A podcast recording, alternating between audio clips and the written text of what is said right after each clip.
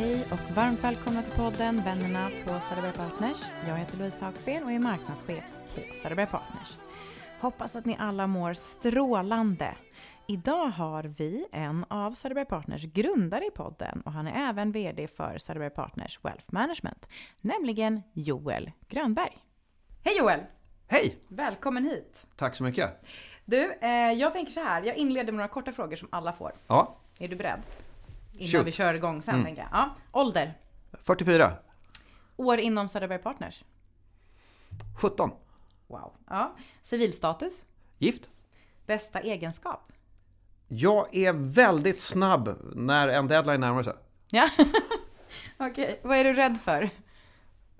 Höjder, hundar, eh, säkert fler saker. Att familjen eh, går bort. Det att Söderberg kraschar. Det är jag Ja. alltid rädd för. Det är, jag kan nog haka på fler saker. Ja, det är bra. Tack så jättemycket. Du är så otroligt kul att ha dig här. Eh, vi ska få reda på massor mer information kring dig. Din roll, ditt liv och, och hur du ser på din grundarbakgrund. För du är ju faktiskt en av grundarna till Söderberg Partners också. Men jag tänker vi börjar långt tillbaka. Var är du uppväxt? Jag är uppvuxen i Huddinge. Det är med, jag är inte riktig stockholmare. Huddinge är ju kanske inte riktigt Stockholm. Nej. Eh, Det är en förort. Eh, Och mina föräldrar är, mamma är från Skåne och pappa från Borås. Right. Det Mm. Så de flyttade hit. Eh, Stockholm var neutral mark. Eh, Här blev jag till. Ja. Mm. Vad, eh, vad sysslade de med när du var liten? Eh, Mamma är apotekare Mm. och började driva eget. Eh, Någon gång eh, mitten av 80-talet. Eh, Pappa var eh, VD för Ranxerox och sen andra bolag och sen så blev han styrelseproffs. Mhm. Där ser man. Du går lite i pappas fotspår då. Han hade, och, han hade åsikter kring finansvalpar kring Stureplan som spelar innebandy. Som ju någonting, alltihop stämde rätt bra in. Vi hade vårt andra kontor i firman var på Stureplan. Jag spelar innebandy och jag håller på med finans. Så, Okej. Ja, vi kommer nog mer tillbaks till det sen. Men eh, har du några syskon? jag har en lillebror. Lillebror? Eh, ja, just det. Han har så- varit inne här någon liten kort Ja, det Som konsult? Han var inne som konsult på eh, telemarketingdelen. Just Det eh, Han är min lillebror, men han är ju 10 cm längre och 10 cm mer bredaxlad och en Okej. rugbyspelare. Aha. Så eh, lillebror i ålder, men det är svårt att förklara för barnen att det inte innebär samma sak i storlek. Nej, just det. Eh, umgås ni mycket eller? Idag? Vi bor ju på olika platser. Vi Ja. försöker umgås när vi kan. Det är, men det är långt emellan, framförallt i coronatider. Mm, sant. sant. Hur var du eh, som barn då? Jag satt med en bok i ett hörn det, och reagerade inte när folk pratade med mig. Jaha. Det är väl en ganska enkel sammanfattning tror jag hur de flesta, inklusive jag själv, uppfattade mig. Okej. För man upplever ju dig som extremt eh, högenergisk liksom. Det låter ju som att du var lugn då. Ja, jag var högljudd. Fråga, fråga mamma så var jag väldigt högljudd. Mm. Ja, men när jag pratade. Men jag... Vi åkte ofta på semester till, eh, till Frankrike där vi hade sommarhus. Mm. Då körde vi bil från Stockholm. Det, även över påsklov. Så för tio dagar så satt vi bil två och en halv dag. Ja. Eh, Ner och två och en halv dag hem. Mm. Ja, men eh, då så brukade mina föräldrar säga att de visste inte riktigt, alltså jag visste inte om jag var i Sverige eller Schweiz. För jag hade liksom inte tittat upp från boken. Nähä. Tur att du inte var sån som mår illa när du läser i bilen. Det hade varit jobbigt. Då hade vi nog inte kört så mycket. Ja. Det, Men du har alltid liksom varit eh, vad man skulle kalla typ en eh, pluggis eller? ja. Ja. Sen... Jag tyckte själv inte det. För jag hade så pass lätt för mig. Jag tyckte jag behövde inte plugga så mycket. Nej. Men, men det är nog min bild. Det andra skulle nog kalla mig en pluggis. Mm. Det, och jag hade resultaten för. Så jag, jag, hade, jag hade det väldigt lätt för mig. Mm. Just det, genom hela alltså, Ja. högstadiegymnasiet och vidare. Högskola. Ja. Gick du i, i hö högstadie och gymnasiet i Huddinge eller? Ja. Ja. Och sen började du plugga? Ja. Vart gjorde du det då? Jag läste data på KTH och så har jag läst på Handels. Ja. Det, och där läste jag finansiell ekonomi. Du är en av dem ja, som pluggar på Mm. båda ställena. jag har haft Kajsa jag- i podden, hon har ju också gjort det. Ja. Eh, Däremot eh, misstänker jag att Kajsa är klar med bägge sina examina. Jag skrev aldrig färdigt uppsatsen på KTH. Nej okej, du erkänner det. Hon sa, för jag sa det, jag drog en parallell till Walter när jag pratade med Mm. henne. Jo hon har, då sa hon så här, du kanske ska fråga Walter om han har examen från båda. så, Det, ja, Okej. det, är- jag kan erkänna det, jag kan stå för det. Det, är- det, här, det här att ta den sista, det, det, sista biten. Mm. Det, jag var sen med körkort också. Det är, för jag var nästan klar. Men nästan klar med körkort är ju inte värt någonting. Men du tog körkort till slut eller? Jag har körkort nu. Ja, okej. Men du, eh, hur, ser, eh, hur ser ditt familjeliv ut nu då? Jag har eh, två pojkar, en nioåring och en fyraåring. Mm. Ehm, så det är livat hemma. Mm. De är bästa kompisar och värsta fiender. Mm. Det, och kan svänga mellan bägge inom två minuter. Ehm, som jag tror många föräldrar känner igen sig i. Mm. Jag har min fru Marion, hon är fransyska. Just det. Det, det här med neutral mark, är, som jag nämnde om mina föräldrar. Ehm, vi träffas i London. Det, Sen flyttar vi till Sverige. Men barnen går på eh, franska skolan på Stora Essinga. Det, Right. Och ni bor där också va? Vi bor där. Ja. Ehm, så det pratas mycket franska hemma hos mig. Kan du franska? Numera, jag har ju lärt mig med barnen. Ja. Jag, kunde, jag hade bra skolfranska innan dess. Ja, okej. Eh, och nu så är väl min franska eh, bra. Men det är Ja. första språk hemma eller? Jag försöker prata, vi pratar tre språk hemma, Ja. vilket gör det jobbigt. Det är för vi pratar, jag pratar svenska med barnen, Ja. Marian pratar franska med barnen. Vi försöker att prata svenska tillsammans, men länge trodde vi att barnen förstod inte om vi pratade engelska. Och det har ju varit vårt språk tillsammans från när vi träffades. Just det. Och nu pratar hon så pass bra svenska, så är vi i en grupp brukar vi prata svenska med alla andra. Men när vi vänder oss till varandra så blir det engelska och då undrar folk, vad, vad håller ni på med? Det, så hemma hos oss flyger det tre språk och vid det här laget så förstår bo, barnen alla tre. Men vilken gåva att ge barnen. Det är ju fantastiskt. Att de får det från början liksom. Men eh, vi, det hade varit bra att ha någonting vi kunde prata så att de inte förstod. Ibland. ja, det är sant. Ja, det är sant. Det gör jag och min, min sambo hela tiden. Vi pratar engelska. Men de börjar ju fatta också, för de tittar på paddan och så här. Så att ja, det går, for, det går fort liksom.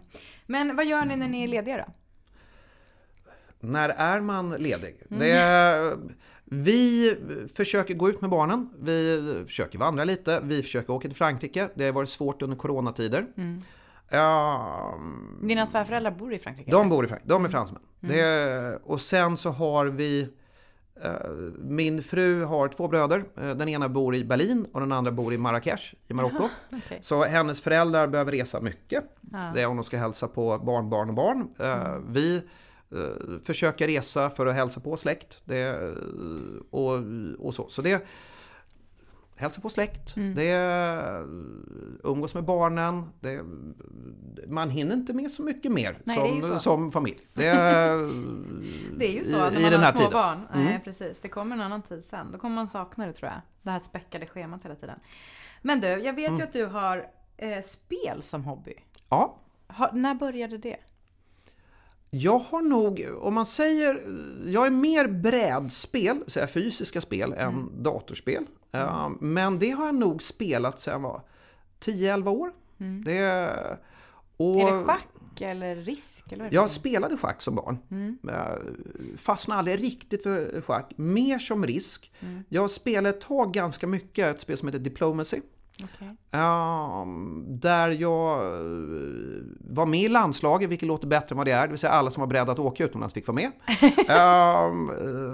Eh, jag har eh, som bästa merit eh, så har jag EM4 eh, Wow. när jag var 17 eller om jag var 18. Mhm. Det, eh, Har du hjälp då av liksom att du har ett, vad ska man säga, läshuvud? Att du är liksom, eller? Diplomacy, du behöver, eller ja om man säger alla brädspel har ju någon form av taktik.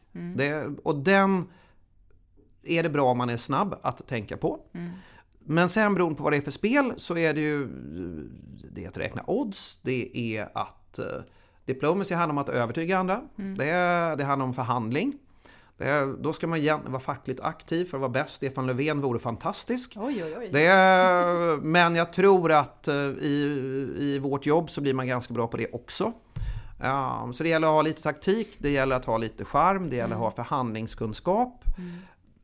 Den kombon eh, gör det spelet roligt. Sen, jag har ju ett problem att alla spel jag gillar tar fruktansvärt mycket tid. Ja men för visst, du, alltså jag, du dök ju upp på SVT i ett eh, Ja. inslag för inte så länge sedan. Du spelar ju alltså fortfarande, eller hur? Ja, Ja. det, och jag hade gjort en paus. Och sen så tänkte jag till att vad är det jag gillar i livet egentligen? Om jag ska göra tid för det. Så kan jag säga, jag gillar fortfarande spel och jag saknar att jag inte hinner spela lika mycket. Um, så då tog jag tag i det. Och då dök jag upp på SVT när jag var på Sveriges näst största spelevenemang, vilket är i Linköping varje Kristi himmelfärd. Just det. Det, och det var första kvällen på tio år jag hade lyckats spela igen och SVT kommer in och filmar. Ja, Det, och, jag studsade upp i so- soffan och bara Det är Joel på TV! Det var så roligt. det, jag, konstaterar, jag konstaterar vilka mina gamla kunder och bekanta och kollegor som tittar på SVT. Ja, just det. Det- jag är en av dem. En eh, stark SVT-fan. Men det var skoj. Men har du fortsatt? Det här är ju ett par år sedan. Det här var ju innan corona uppenbarligen, för det var en himla massa folk där i Linköping. Ja, det, ja det, det är faktiskt så att vi är ett eh, gäng på firman. Där Erik Bergengren eh, tror jag var den sammankallande, det är i alla fall den länk jag kom in genom. Som före corona försökte spela varje onsdag lunch. Det, är, eh, så, Bra initiativ. Ja, så då har vi varit ett gäng från olika delar av firman ja, som spelar spel som tar max en timme. Det är, så om jag har tackat nej till lunchinviter eller möten över onsdag lunch så vet ni varför. Just det. Och tips då till Erik om du är sammankallad. Du kan använda Yammer till det här snart. Ja, till sammankallning alltså. Och till lite så här Mm, mycket allmänt, klok. Mm. eh, allmänt bygga lite snack kring spel. Jaha, men du, jag tänker vi kör på med lite jobb och karriär här en sväng. Eh, du pluggade på Handels och KTH. Mm. Och var det så, jag har fått för mig att du började på Carnegie som student. Ja, Det var så? yes. Yes. Det Gustav eh, sökte... eh, Om man tar bakgrunden är att eh, jag tror att Gustav ville det som idag har blivit Visi och Wise Talk hade han idéer om redan 95-96. Carnegie hade konsulter inne som han tyckte var dyra och dåliga. Han letade studenter. Det, jag sökte det jobbet. Jag hade jobbat en del extra. Det är för ett, eh, dels eh, byggt för min mammas bolag. Det, hon var en hård chef. Ehm, och sen ett uh, åkeribolag jag hade sökt studenter för att bygga. Så jag eh, har jobbat med det. Ehm, men eh, så Gustav sökte folk. Ehm, han sa till mig att jag var jättebra eh, när jag sökte. Jag fick senare höra och jämfört med sistaårsstudenten så var jag framförallt väldigt billig. Det, är, så, det, det, man vill ibland också höra hela historien och den fick jag några år senare. Eh, Okej. Men hur länge jobbade du med Gustav på Carnegie då? Började du heltid där sen efter ett tag eller? Ja, alltså jag, jag började jobba extra för Gustav när jag var 19. Det är alltså första året på... Jag hade precis börjat på Handels och ville tjäna extra pengar. Det, och så har jag läst ett år på KTH då. Eh, Och sen fortsatte jag hela studietiden. Men oj vad ni har känt varandra länge. Ja. Ja. Alltså jag... Du var ju jag knappt har- vuxen. Nej, alltså jag har haft Gustav som chef i 25 år. Det, eh, och så jag jobbade extra hela studietiden och sen så efter skolan så började jag på Carnegie. Mm. Det, och därifrån så gick vi till Söder. Ja, och det måste jag fråga. N- när du fick den frågan från Gustav, eller var det så det gick till? Men liksom, vill du följa med mig och starta ett nytt bolag på Söderberg Partners? Alltså, gick det till så och eh, minns du hur du, din känsla? Ja, jag minns framförallt att Gustav ställde vad han tyckte var liksom den frågan som skulle få det att vara så självklart. Som liksom skulle övertyga mig. Och han sa så här, Joel, du vill väl inte vara tjänsteman hela livet? Okej. Ja.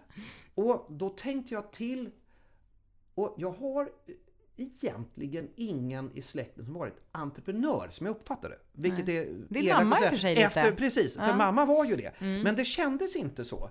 Så jag kände mig som Jo, jag vill vara, jag vill vara tjänsteman.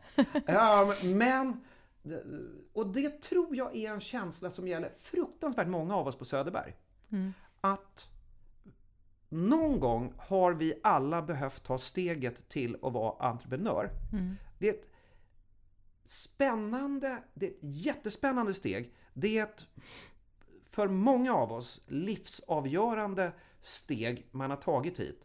Och alla vi som är här tror jag känner att det kanske är det bästa yrkesmässiga steg vi någonsin tagit. Mm. Och jag tror faktiskt ett av skälen till att vi är så speciella är att hela firman är fylld av människor som har tagit det steget. Man har medvetet gjort valet att bli på något sätt entreprenör. Att ge upp någonting Mm. som man visste vad det var. Att våga ta det klivet och sen se, och det gick bra. Mm. Jag tror att vi, jag försöker komma ihåg den och påminna med den känslan. För den, den är unik. Mm. Det, det, eller det finns såklart några andra bolag. Men i den skala vi gör det, att vi fortsätter Mm. göra det. Och att det därför för den som tar det steget, då finns hjälpen här. Mm. Alla här har tagit det steget. Vi vet när vi eh, påminner oss om det, hur jobbigt det var, hur spännande det var, hur osäkert det var. Mm. Och ändå gjorde vi det. Mm. Vi, vi är en firma av folk, så det är läskigt, men jag vågar. Ja.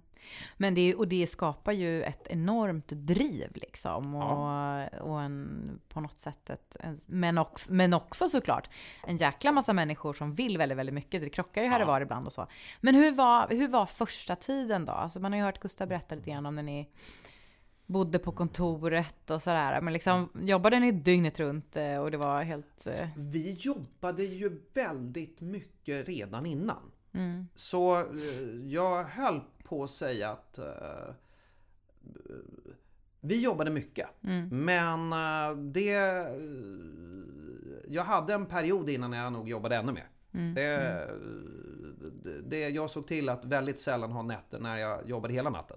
Det, Okej. det, vilket jag hade någon period när jag var eh, på Carnegie när jag trodde det var så man skulle göra. mm, Det, Men vi jobbade jättemycket. Mm. Vi, vi hade väl med oss många bilder av... Det var mycket, vi, jag tror vi alla lärde oss, det var mycket jag lärde mig på Carnegie om liksom hur livet är. Men det var en hel del saker jag tror vi lärde oss om hur vi inte vill ha det. mm, Um, en av de sakerna var eh, att, spendera, att spendera pengar på kontoret. Det...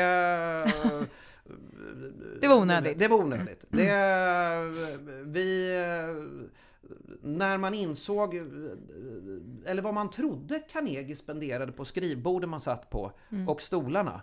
Så sa man, det där skulle jag hellre vilja ha i lön. mm, Det, för det var ändå känslan det var ett resultat man skapade. Som anställd hade man del av resultatet. Att det då, eh, som det gick rykten om, att man betalar 50 000 per rum för gardinerna. Ja, just det. Var ingenting man nödvändigtvis som, eh, som 25-åring kände eh, att man behövde ha på jobbet. Nej, jag förstår. Det, och sen skruvade ni egna möbler och höll på där och Ja. Ikea och... Vi skruvade egna IKEA-möbler. IKEA hade ett paketpris just då för företag. Att du kunde få dem ihopskruvade om det var för 6 eller 8 procent i påslag. Ja. Som vi sa nej till. Det var onödigt. Det, Det gjorde ni det gjorde själva. själva. Men Eh, firade ni mycket småsegrar och delmål och sådär, eller hur funkade det? Ja, det tycker jag. Mm. Det... Så pass mycket att det inte är någon man nödvändigtvis kommer ihåg. Speciellt idag. Nej. Men det var ju många Det var många eh, små steg och det gick ju mycket fortare, mycket större än vad vi trodde. Mm. Däremot har väl jag med mig från den tiden att alla kalkyler vi gjort på när någonting gör break-even är helt ute och cyklar. Aha. Och det har de alltid varit. Okej. Det, det kostar Åt alltid... vilket håll? Det kostar alltid minst dubbelt så mycket som vi tror för att vi ska övertyga oss själva om att vi ska starta det. Ja. det är, vi har aldrig haft någonting, i alla fall av de sakerna jag har sett, som inte kostat minst dubbelt så mycket som ursprungsplan. Ja. Det är, å andra sidan så är det ingenting... Jag har framförallt sparat den initiala depåkalkylen. Det är där... Det finns inte en siffra som stämmer på någonting. Men å andra sidan så var ju de initiala volymerna som vi tänkte att vi skulle nå. Så har vi ju aldrig... Vi har alltid drömt mycket mindre än vad det faktiskt blivit. Det är fantastiskt. Och det är en jättehärlig känsla. Ja. Och, och då en fråga kring det då. Jag menar, ni var nio stycken eller åtta plus PO som startade det här. Eh, Ni var så himla unga. Hur gammal var du då? 26. Just det, du ser. Ja. Och så är det liksom idag, alltså vi är snart 3000 medarbetare i typ sju länder och så här. Tänker du ibland på liksom vad det är ni har skapat egentligen? Jag vet att, ja det, det, det, det gör jag. Men dels, det kom för mig den första känslan av vi var ett stort bolag på riktigt var när om man säger, I början så var ju den enda kostnaden man hade i bolaget var ju löner. Mm. Ehm, liksom av väsentlighet. Och när det var i första hand i princip bara vi grundare i bolaget. Mm. Då känner jag, okej, i värsta fall för att rädda bolaget får vi gå ner utan lön ett tag. För mig så var vi ett stort bolag när jag insåg att det skulle inte räcka att, att vi delägare slutade ta ut lön ett tag. Mm. Det, utan nu, nu har vi ansvar för andra saker. Nu är vi ett stort bolag. Det var min... Det var en känsla, när vi för första gången var stora på riktigt för mig. Men var det läskigt eller kändes det kul? Bägge det, men det, det, om det hela tiden är kul att man växer och blir stor, det, så var det en läskig känsla. Det, det var då det gick upp för mig att vi hade ett ansvar. Mm. Ehm, så det, var liksom den första känslan att vi är stora. Mm. Det, sen har det varit olika liksom, milstolpar. Nu är vi en... eh, Vi kan nog inte kalla oss uppstickare. Nu är vi liksom en stor aktör. Mm. Eh, Vi får kunder...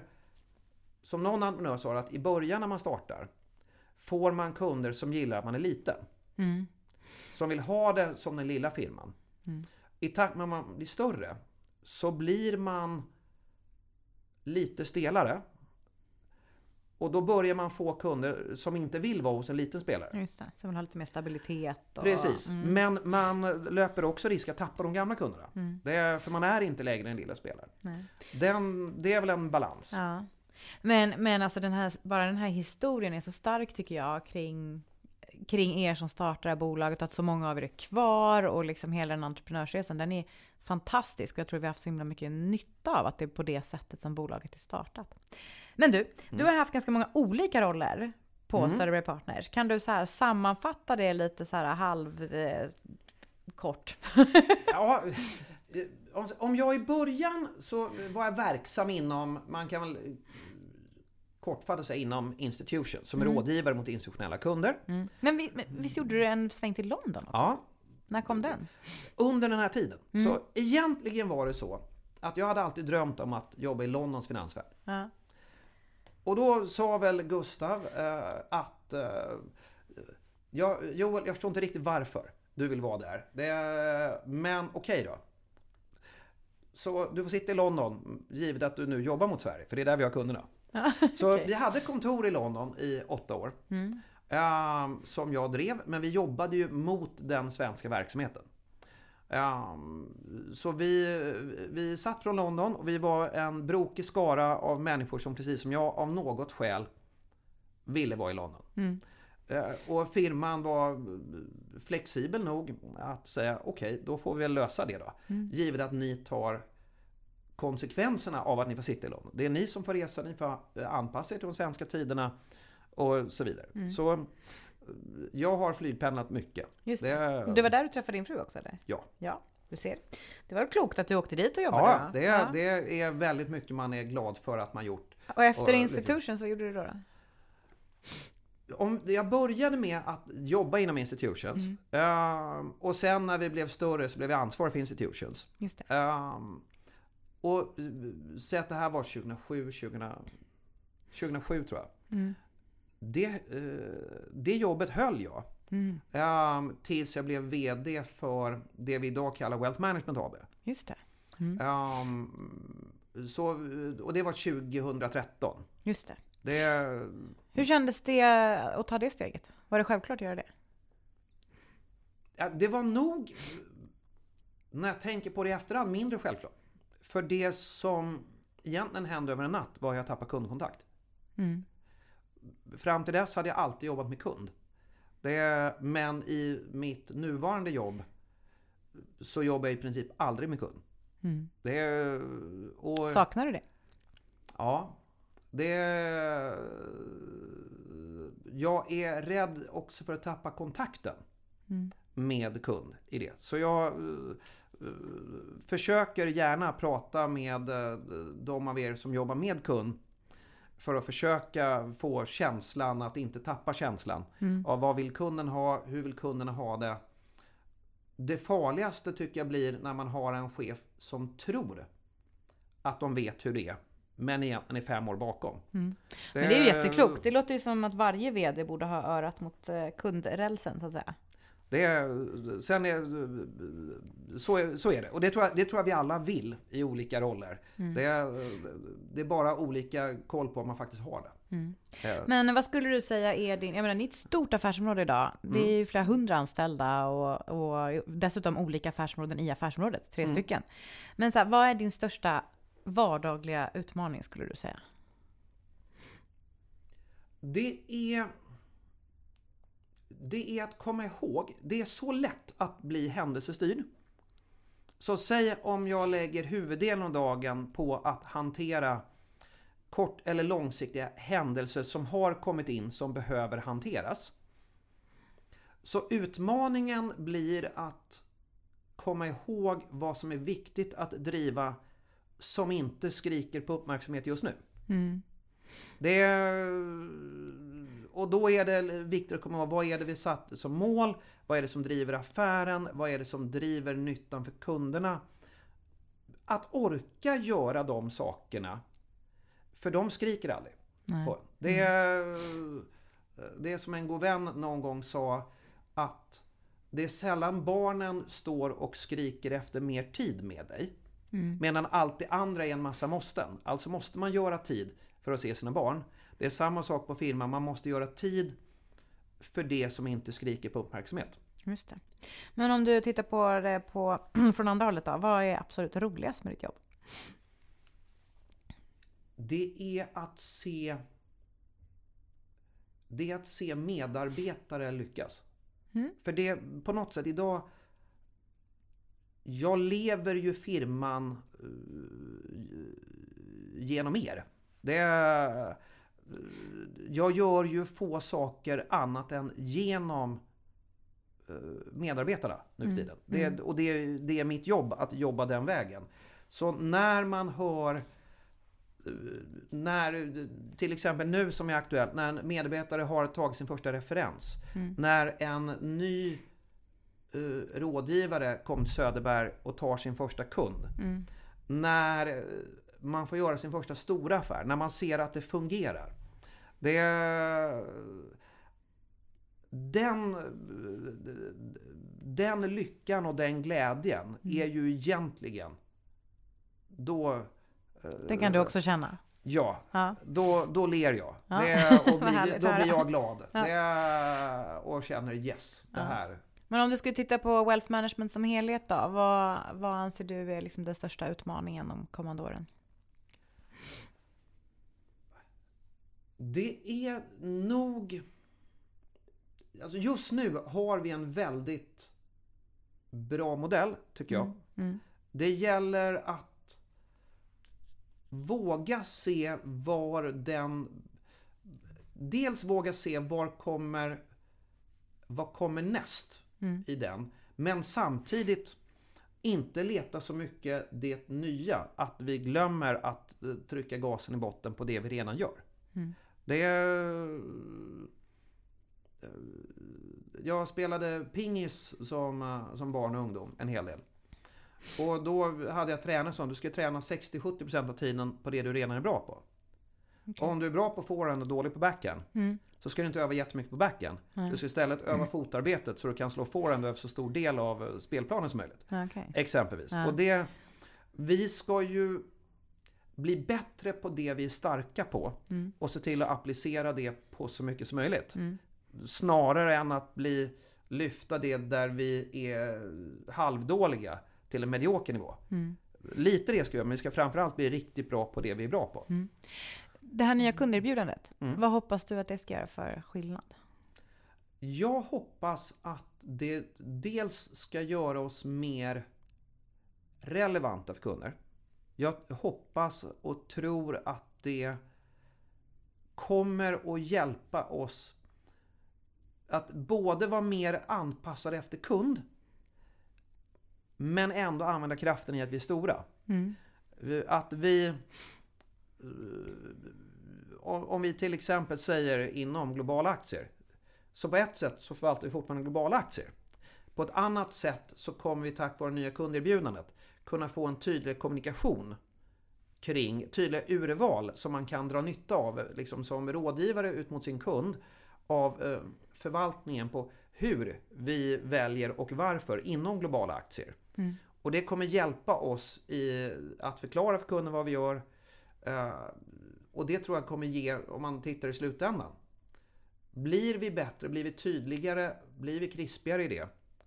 Då ger det också bättre avkastning. Mm. Och det är ju en väldigt stor del faktiskt vad kunderna är här för. Att vi ska ge avkastning. Såklart, det är Mm. bra. Ja, men det, för det har ju talat så mycket om det här nya kunderbjudandet. Jag vet ju att det är så många som har jobbat så hårt med det. Så det ska bli superspännande att se. Vi är precis Mm. i starten. Men jag tänkte på, vi var ett litet bolag när vi startade. Du Mm. har ju liksom gjort hela resan till att vi nu är ett stort bolag. Mm. Vi är fortfarande inte liksom Swedbank med 30 000 anställda, men vi är ändå Mm. stora. Förr kunde du ju få liksom ett beslut bara genom att ropa över bordet antar jag till Gustav eller till någon annan och det gick väldigt snabbt. Idag kanske det är lite mer komplex verksamhet, det kräver lite andra liksom vägar till beslut och så. Vad tycker du liksom om de här två olika världarna? Finns det liksom någonstans där du känner så här, men jag trivdes bäst där eller det här är ju... Har du någon tanke? Det, å, en, å ena sidan så var det ju roligt att kunna svänga på en femöring. Mm. Det man nog behöver i, eller varje, varje gång det går trögt. Mm. Vilket eh, gör eh, mig och alla medarbetare tror jag frustrerad. Mm. Är eh, det, det gäller sig att å andra sidan så när man väl lyckas få igenom något får man så mycket mer impact. Mm. Det är, när vi ändrar något nu så ändrar vi det inte för fem kunder. Utan för om man bara pratar wealth management 30 000 kunder. Mm.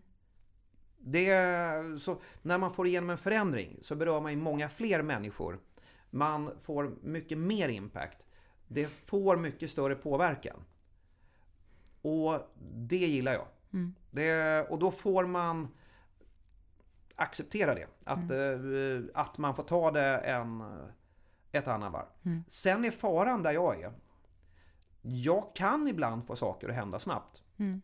Men då är det på bekostnad av att något annat inte blir gjort. Som man inte riktigt ser. Just det. Det är, och ibland måste det gå fort. Och det är väl del av, del av mitt jobb är när ska man använda den när måste man använda den möjligheten att forcera en quick fix? Mm. Eh, eller att prioritera något.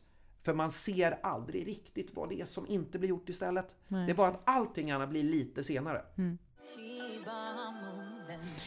Men de här eh, 17 åren då? Ja. Eh, är det något så här speciellt minne eller känsla eller så här, eller del av den här eh, resan som du liksom minns extra starkt eller håller, blir extra glad på när du tänker på det? Så här?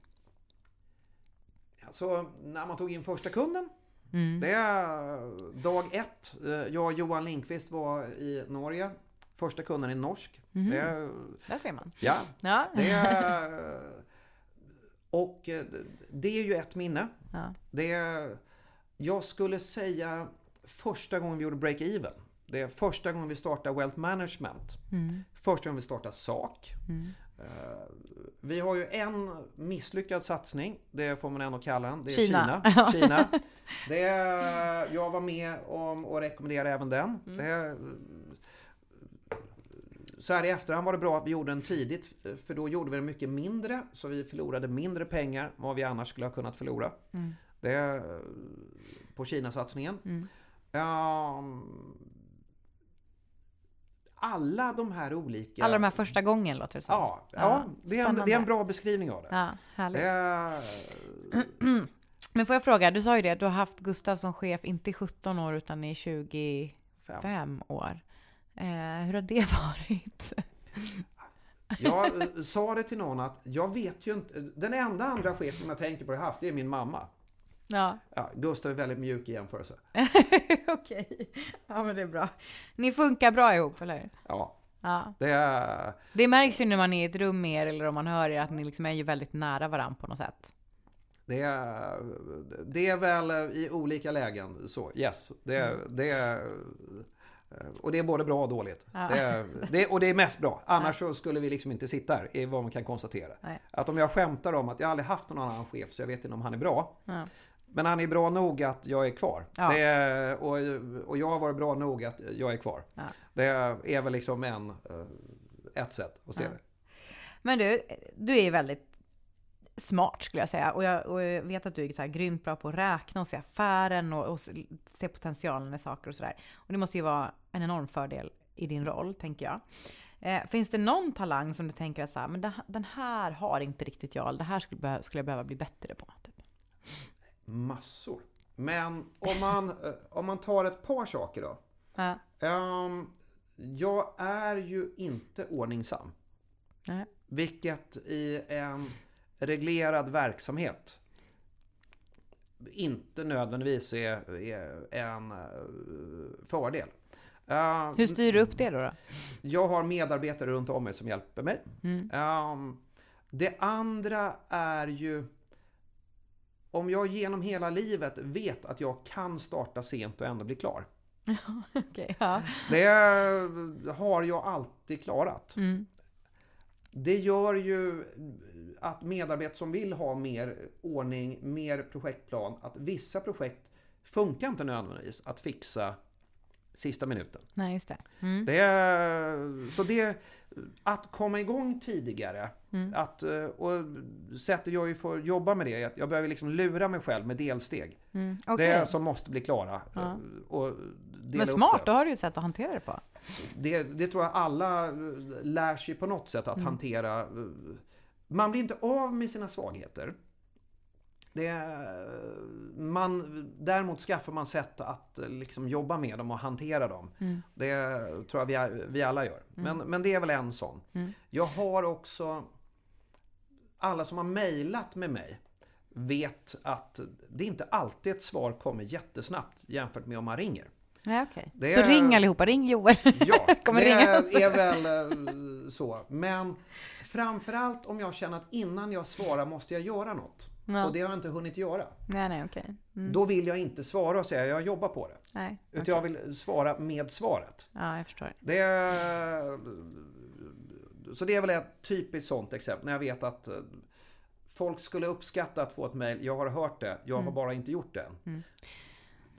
Så det är väl en sån. Mm. Ja, men jag, jag tror att, nu får du inte rabbla några fler eh, talanger du saknar tänkte jag säga, för jag tror att du är grym på det mesta.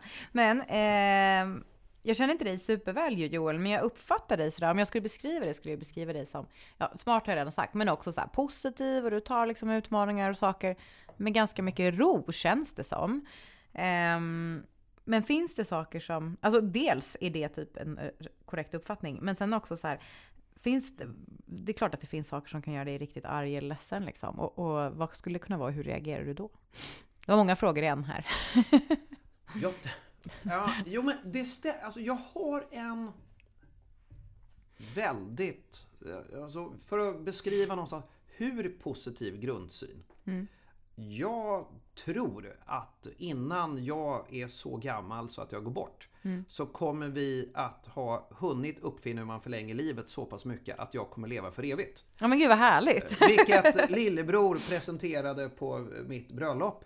Så, men vi kommer vara den första generationen som kommer vara gamla för evigt. var väl hans take på det. Ja, ja, okej. Eh, Ja. Men alltså, så jag, jag är egentligen oerhört positiv Mm. till eh, vart vi är på väg och vart livet är på väg. Och att Mm. vi kommer hantera saker. Alltså, fruktansvärt positiv. Vad härligt. Är, Men vad gör dig, vad skulle kunna göra arg då? Ibland blir du väl arg eller ledsen? Alltså jag, jag blir arg. Det, sen blir jag... Alltså jag blir arg, jag blir ledsen som alla när man liksom känner sig sviken. När man... eh, Alltså det, det är väl liksom när man har haft ett förtroende för människor som man känner de inte lever upp till. Mm. Sen är jag nog... Jag är förlåtande, men jag har...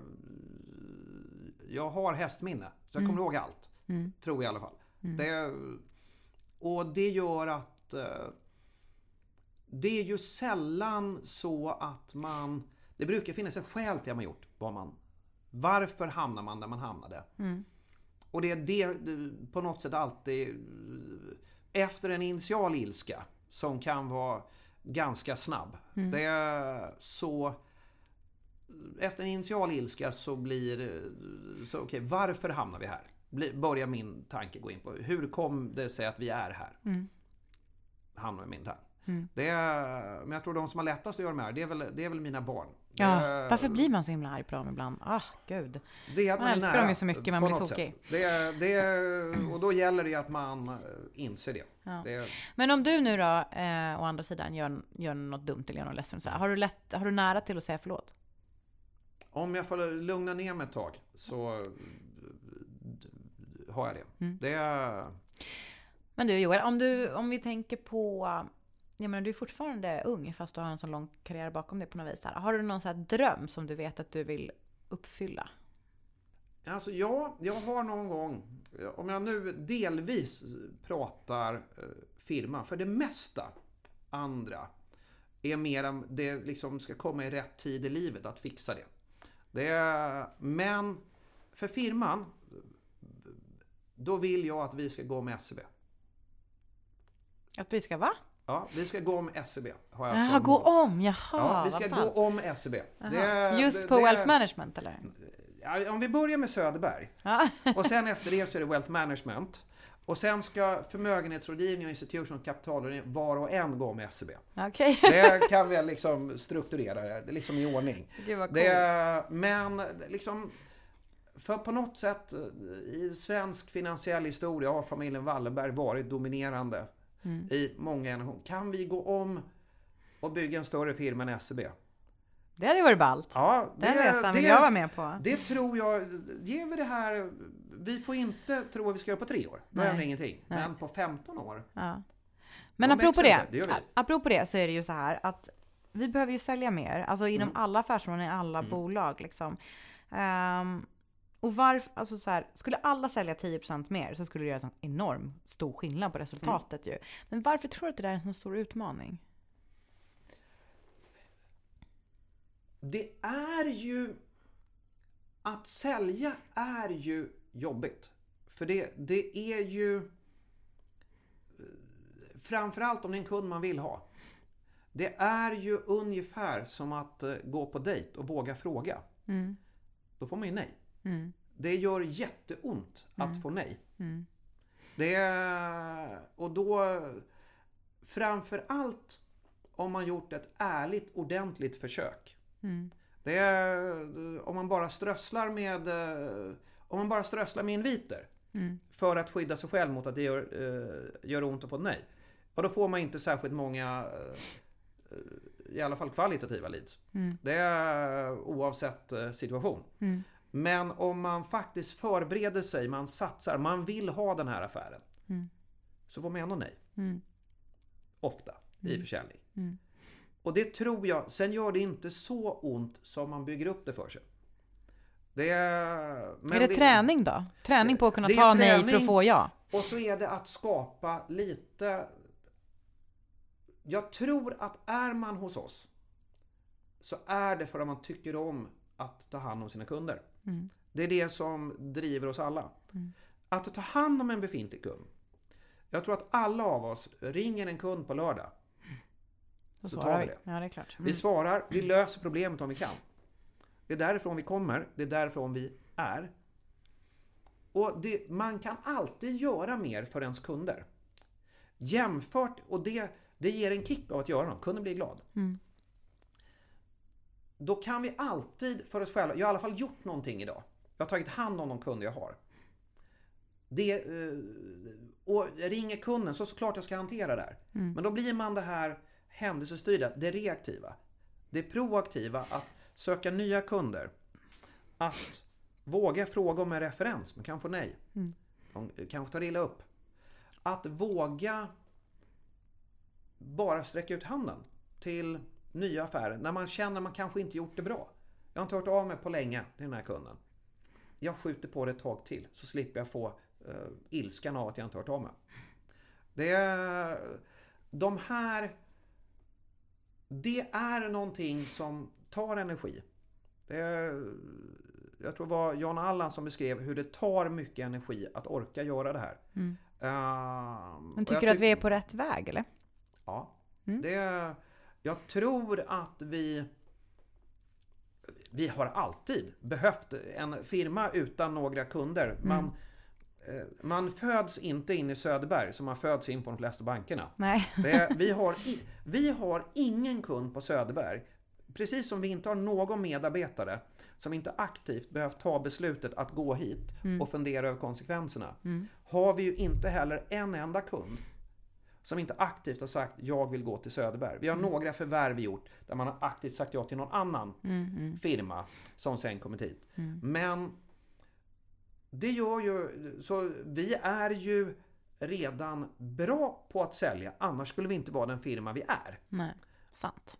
Men ska man träna på det man är bra på så behöver vi såklart, då kan Ja. vi bli ännu bättre. är Och det har du redan varit inne på ju. Vi måste Precis. träna på det vi är bra på.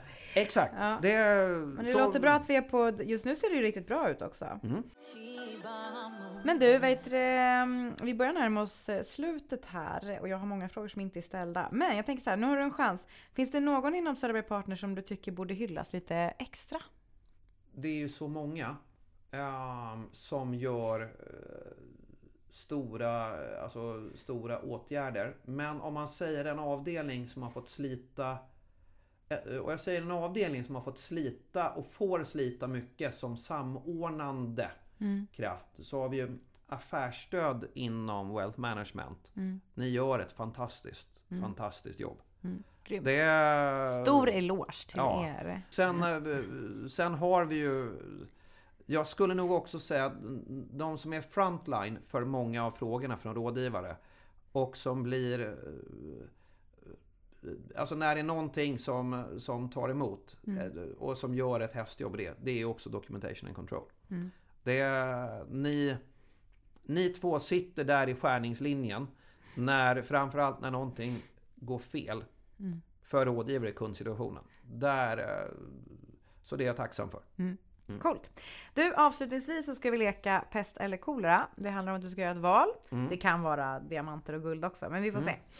Nu kör vi. Du måste välja bort en av de här två sakerna i ditt liv. Du får antingen aldrig mer flyga eller du får aldrig mer spela spel. Den är tuff. Men... Jag vet! Uff. Nej, Då är det nog att aldrig mer flyga. Om jag måste välja. Mm. Man kan ju åka bil till Frankrike, det har ju dina föräldrar gjort i alla år. Det är, man kan åka tåg också, men det är svårt att ta sig till USA eller Australien. ja, sant.